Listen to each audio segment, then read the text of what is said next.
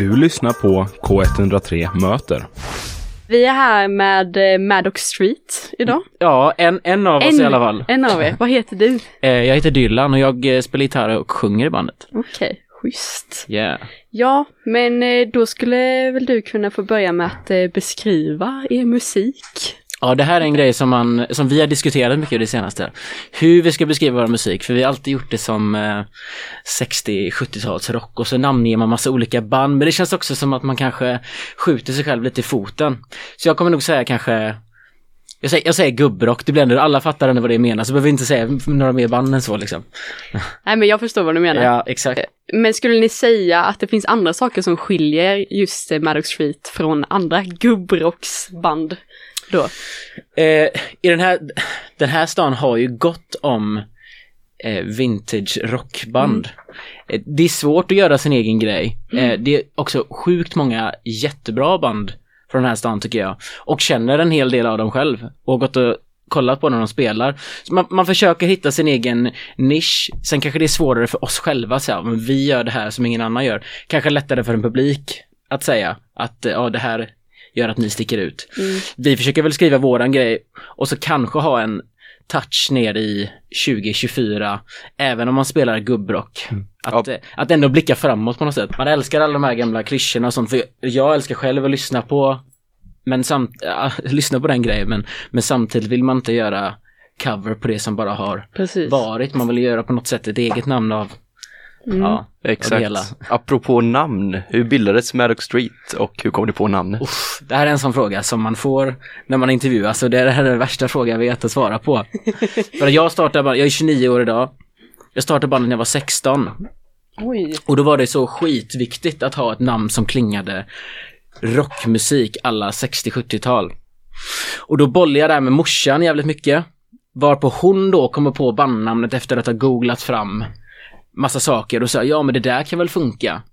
Eh, och nu är det då, vad är det, 13 år senare och så är det fortfarande så här varje gång någon ställer en fråga så måste man säga ja min mamma kom på vårt bandnamn. och så är det lite den här grejen att vi har hållit på alldeles för länge nu, det är så himla Det vore så himla kontraproduktivt att byta namn.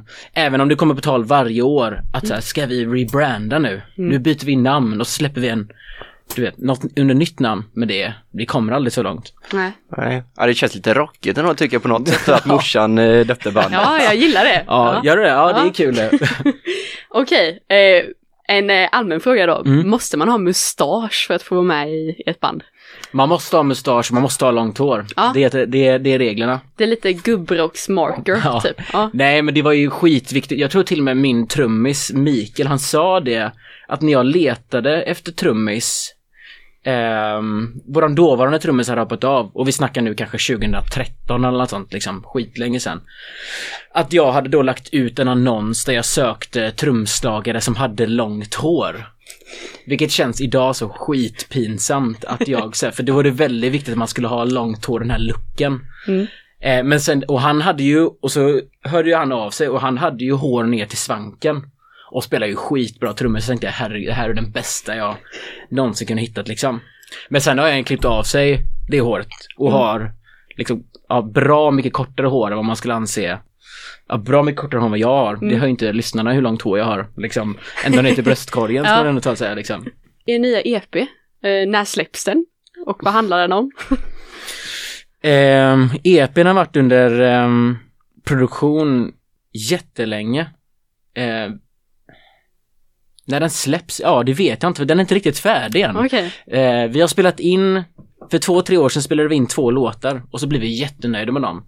Jobbade tillsammans med en producent som heter Christian Silver som driver en studio nere i Varberg som heter Studio Mega.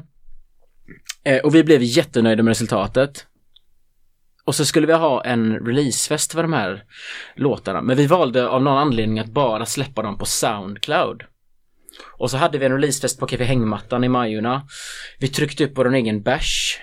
Där var två olika öl, där, där liksom ölen hette som låtarna. Och så hade vi liksom en produktbeskrivning att eh, de här, den här ölen smakar som det här låttiteln och så var det Men det, det släpptes aldrig på Spotify så folk känner liksom inte till att de är släppta. Och nu var vi i studion igen för någon, jag kommer inte ihåg, två månader sedan kanske, en, två månader sedan. Och då tänkte vi väl att, ja, men ingen känner ju till att de låtarna finns så vi kan lika gärna bunta ihop dem på en EP. Så tanken är att det ska komma nu innan sommaren förhoppningsvis eh, en eh, kortare platta på fem låtar. Det som återstår eh, jobbmässigt är väl att eh, sjunga in låtarna, så kanske det mest viktiga är, är väl kvar på inspelningen. Men det ska vi göra nu i början på februari. Så. Mm. Vad var eh, inspirationen till eh, de här låtarna och de nya låtarna och det här är också, vi halvbråkar om albumtitel. Eh, för det här är liksom ett eh, ihopplock av låtar som legat. Om man tänker att man har en låtidé och så slutför man aldrig den så lägger man den lite liksom upp på hyllan sådär. Har man 20 olika låtidéer uppe på hyllan och så plockar man ner några stycken. Så det finns ingen riktig röd tråd i de här låtarna mer än att men det här är fem låtar som vi tycker är bra som vi är stolta över att vi har skrivit och nu ska vi släppa dem. Men de hade egentligen kunnat komma på fem eh, olika plattor. Så nu hamnar de på en och samma så det blir liksom som en så här gott och blandat påse av saker som smakar och, och låter lite olika. Ehm, så ingen röd tråd i vad de handlar om eller hur tanken är att de ska låta. Vilket också känns lite roligt. Ja, Faktiskt. det behöver inte alltid ha en eh, Kanske röd inte. tråd. Nej. Nej, spännande. Ja. Eh, det var ju ändå några år sedan, sedan ni släppte nytt eh, senast. Ja, 2019. Eh, ja. vad har ni gjort de senaste åren? Uff, de senaste åren, vi har, ehm, ja vad fan har man gjort? Ska man blicka tillbaka så jättelänge? Tanken har alltid gått ut att man alltid försöker hitta spelningar. Och vi har alltid haft jätteotur vad det gäller att jobba ihop med folk.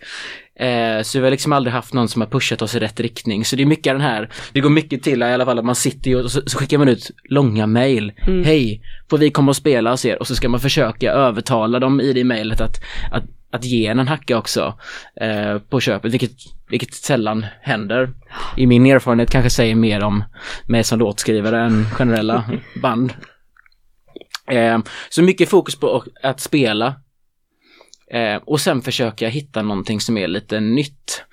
För jag vill ändå säga att det som vi ska släppa här nu, den här EPn, det skiljer sig väldigt mycket från det vi har släppt tidigare. Mm. Eh, och försöker ta ett avstamp i att det inte måste vara så himla hård rock.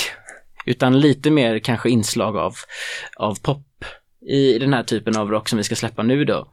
Så det har väl också varit någon form av, man har genomgått någon form av intern kris i hur ska vi låta? Mm. Eh, och så har man haft problem med, vi har ingenstans att repa längre, vi måste ha större plats och så, ja, frågor kring eh, logistik och sånt har också tag, tagit mycket, mycket tid under året, så vilket har lett till att man inte kan vara lika produktiv när man ska, ja. Men det här med att som band komma in i någon slags kris, identitetskris typ. Eh, har ni varit med om det innan eller är detta någon ny? Nej men jag tycker man, eh, jag tycker nog vi har varit med om det ganska många gånger innan. Mm. Men om man ska spela samma låtar om och om igen. Och nu har ändå jag varit med i bandet jättelänge som jag startade. Och att spela samma låt som man skrev när man var 16, 17, 18 och så är man nu 29. Det är det så här, nej jag tänker inte spela den låten en gång till. Och då måste ju alla vara med på tåget. Eftersom alla är med i bandet. Eh, och så ska man hitta någon röd tråd till att ja, vi alla kan tänka oss att spela det här. Och det tar ju lite tid. Mm. Eh, I min erfarenhet. Men det är väl ofta det som driver ett band framåt, att eh, de har en identitetskris och sen kommer de ut på andra sidan med ett nytt sound. Ja, ja men visst är det så. Man måste bråka lite. Och det har vi ändå varit ganska duktiga på tycker jag. Mm. Eh, fast bråkat om vad som är viktigt och inte bråkat där vi är liksom ifrågasatt om vi är vänner eller inte utan mer bråk, bråkat om det konstnärliga innehållet på något sätt. Vem är det som eh, skriver låtarna? Jag, jag kommer med flest idéer eh, och de brukar komma alla sitter hemma på sängkanten och eh, spelar gitarr själv. Och sen ses man på något sätt och så säger man så här, ja nu låter det. Um, och så sätter man väl fart på det. Och sen bidrar ju de andra minst eh, lika mycket genom att komma med olika eh, idéer till arrangemang och övergångar och eh, jag kommer med ganska grov skiss till hur jag vill att någonting ska vara. Eh, där man kanske så här beatboxar hur, ja, så här ska trummorna låta ungefär. Och sen kommer en riktig trummis och så spelar de någonting som faktiskt låter bra och inte någonting som en gitarrist har skrivit i trumväg. Och så gör alla sin egen del. Men att jag kanske kommer säga, ah, ja, här är två ackord. Spela någonting på det här. Och så, så blir det en, eh, vad heter man, en gemensam uppgift att slutföra det. Det, det, är också, det, det är också det absolut roligaste när det sker på det sättet. Men ibland eh, kommer ju andra människor med, eh, färdiga låtidéer också. Jag tycker om samarbetet. Men eh, när du sitter hemma på sängkanten Ja. och spelar, vad, vad blir din inspiration liksom? Ehm, det brukar mycket handla om att jag står och övar. Och då övar jag tråkiga saker som står över skalor och sånt kanske. Mm. Och så kanske man försöker sätta det i någon rytmisk kontext. Och då kanske det dyker upp något gitarriff eller Mm. någon harmonisering som man tycker låter snygg och så försöker man väl utforska, utforska det mer. Och sen om man har riktigt tur så kanske man tycker sig att man att, ja men här finns ju en melodi att jobba med. Och då kanske det är den tre sekunders melodin som man tar med sig till de andra musikerna. Och så ser man, finns det potential här? Och så säger de ja eller nej. Jag vet att en av låtarna vi ska släppa på den här EPn, den har jag nog försökt pitcha för bandet i tre år. Första gången var det så nej men det här är ingen bra, det här är ingen bra låtidé. Samma andra gången och sen tredje gången så är det så men det här, det här var ändå någonting. Så det kanske också har mycket att, att göra med, eh, med, med tid och plats. Ja, Sådär. det måste vara mogna fram kanske. Men kanske. Men ja, mycket sitter hemma och så följs det på det sättet av, av slumpen. Hur mycket av din eh, fritid spenderar du på att sitta med gitarren och... Eh, ganska mycket. Det går i perioder tycker jag. Eh, vissa perioder blir jätteintensiva när man kommer in i i skov, vad man ska kalla det, där man direkt hem efter jobbet och lägger ner två timmar och övar intensivt. Eh, för att sen lägga det åt sidan. Eh, kan nästan se det som ett liksom ett jobb ibland. För ingen, jag känner tycker det är kul att öva. Men sen vill man inte heller vara dålig typ. Så då måste man Ja, ja, ja. då måste man lägga ner lite tid, typ.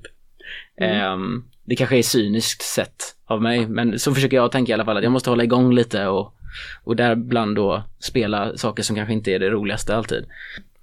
Om du får drömma, hur ser framtiden ut för Maddox Street? Ehm, om jag får drömma, ja men en rimlig dröm hade väl varit att lite mer frekvent vara ute och spela. Och vi är ju ganska bevandrade i Göteborg och Göteborgs musikscen. Ehm, har inte spelat mycket i Stockholm. Vi var en sväng upp och spelade på eh, Nalen i Stockholm i oktober. Vilket var liksom andra gången vi någonsin spelade där. Och där har man inte satt fot så mycket så ingen vet ju vem man är i Stockholm. Det går lite bättre med, eh, med Göteborg som vi är härifrån och vi spelar mycket. Så det har varit jätteroligt att få åka landet runt lite och göra den grejen. För den har inte vi fått göra. Och det tycker jag är våran tur ja. Det är väl rimligt Ja. efter, eh, vad var 13 år? Ja, exakt. Det tycker jag med. Ja. Ehm, ni har ju en spelning nu, eh, 2 februari va? Precis, 2 februari på Sjömanskyrkan. På Sjömanskyrkan. Eh, men har ni något så här, något drömställe att få spela på någon gång? Ett drömställe att spela på? Hmm. Jag vet, jag tycker ju generellt sett inomhusarenor är mycket roligare. Så kanske många hade sagt så här Ullevi och, och den här grejen. Men jag hade nog drömt om att få spela på Lisebergshallen innan den revs, för det tycker jag var en grym arena. Eh, och har sett mycket bra musik där. Så hellre arenor att i den storleken två till, jag vet inte hur många den tog, 3000 pers eller något sånt kanske. Eh, om jag får höfta. Men ja, mer den typen av arenor än typ Ullevi. Det känns ändå för långt bort för att drömma om. Ja. Då så, då siktar vi på Madison Square Garden för det då. ja, den har ju varit skitkul. Den har ju varit ri- riktigt bra ju. Hur cool, eh, du jobbar som fritidspedagog. Ja, Hur cool är du när du säger att du spelar ett rockband? jag tror de tycker jag är ganska cool. Vilket känns jättekonstigt för att när jag växte upp så spelade alla i band. Så för mig är inte det konstigt alls att någon säger att jag spelar i band och mina fröknar spelar också band när jag var, eh, eller så här, mina förebilder som äldre mig spelar också band. Så jag har liksom vuxit upp kring det, men det har, det är en kultur som har dött ut lite, man är, det känns inte som att man är typ 12 bast och står och hänger i repan och försöker få fram låtar. Så de tycker det är ganska coolt att någon spelar musik. På, eh, där jag jobbar på min avdelning om man säger så, så finns det en del musiker och, och dansare och de tycker ju det är jättecoolt med alla de här som gör någonting kreativt.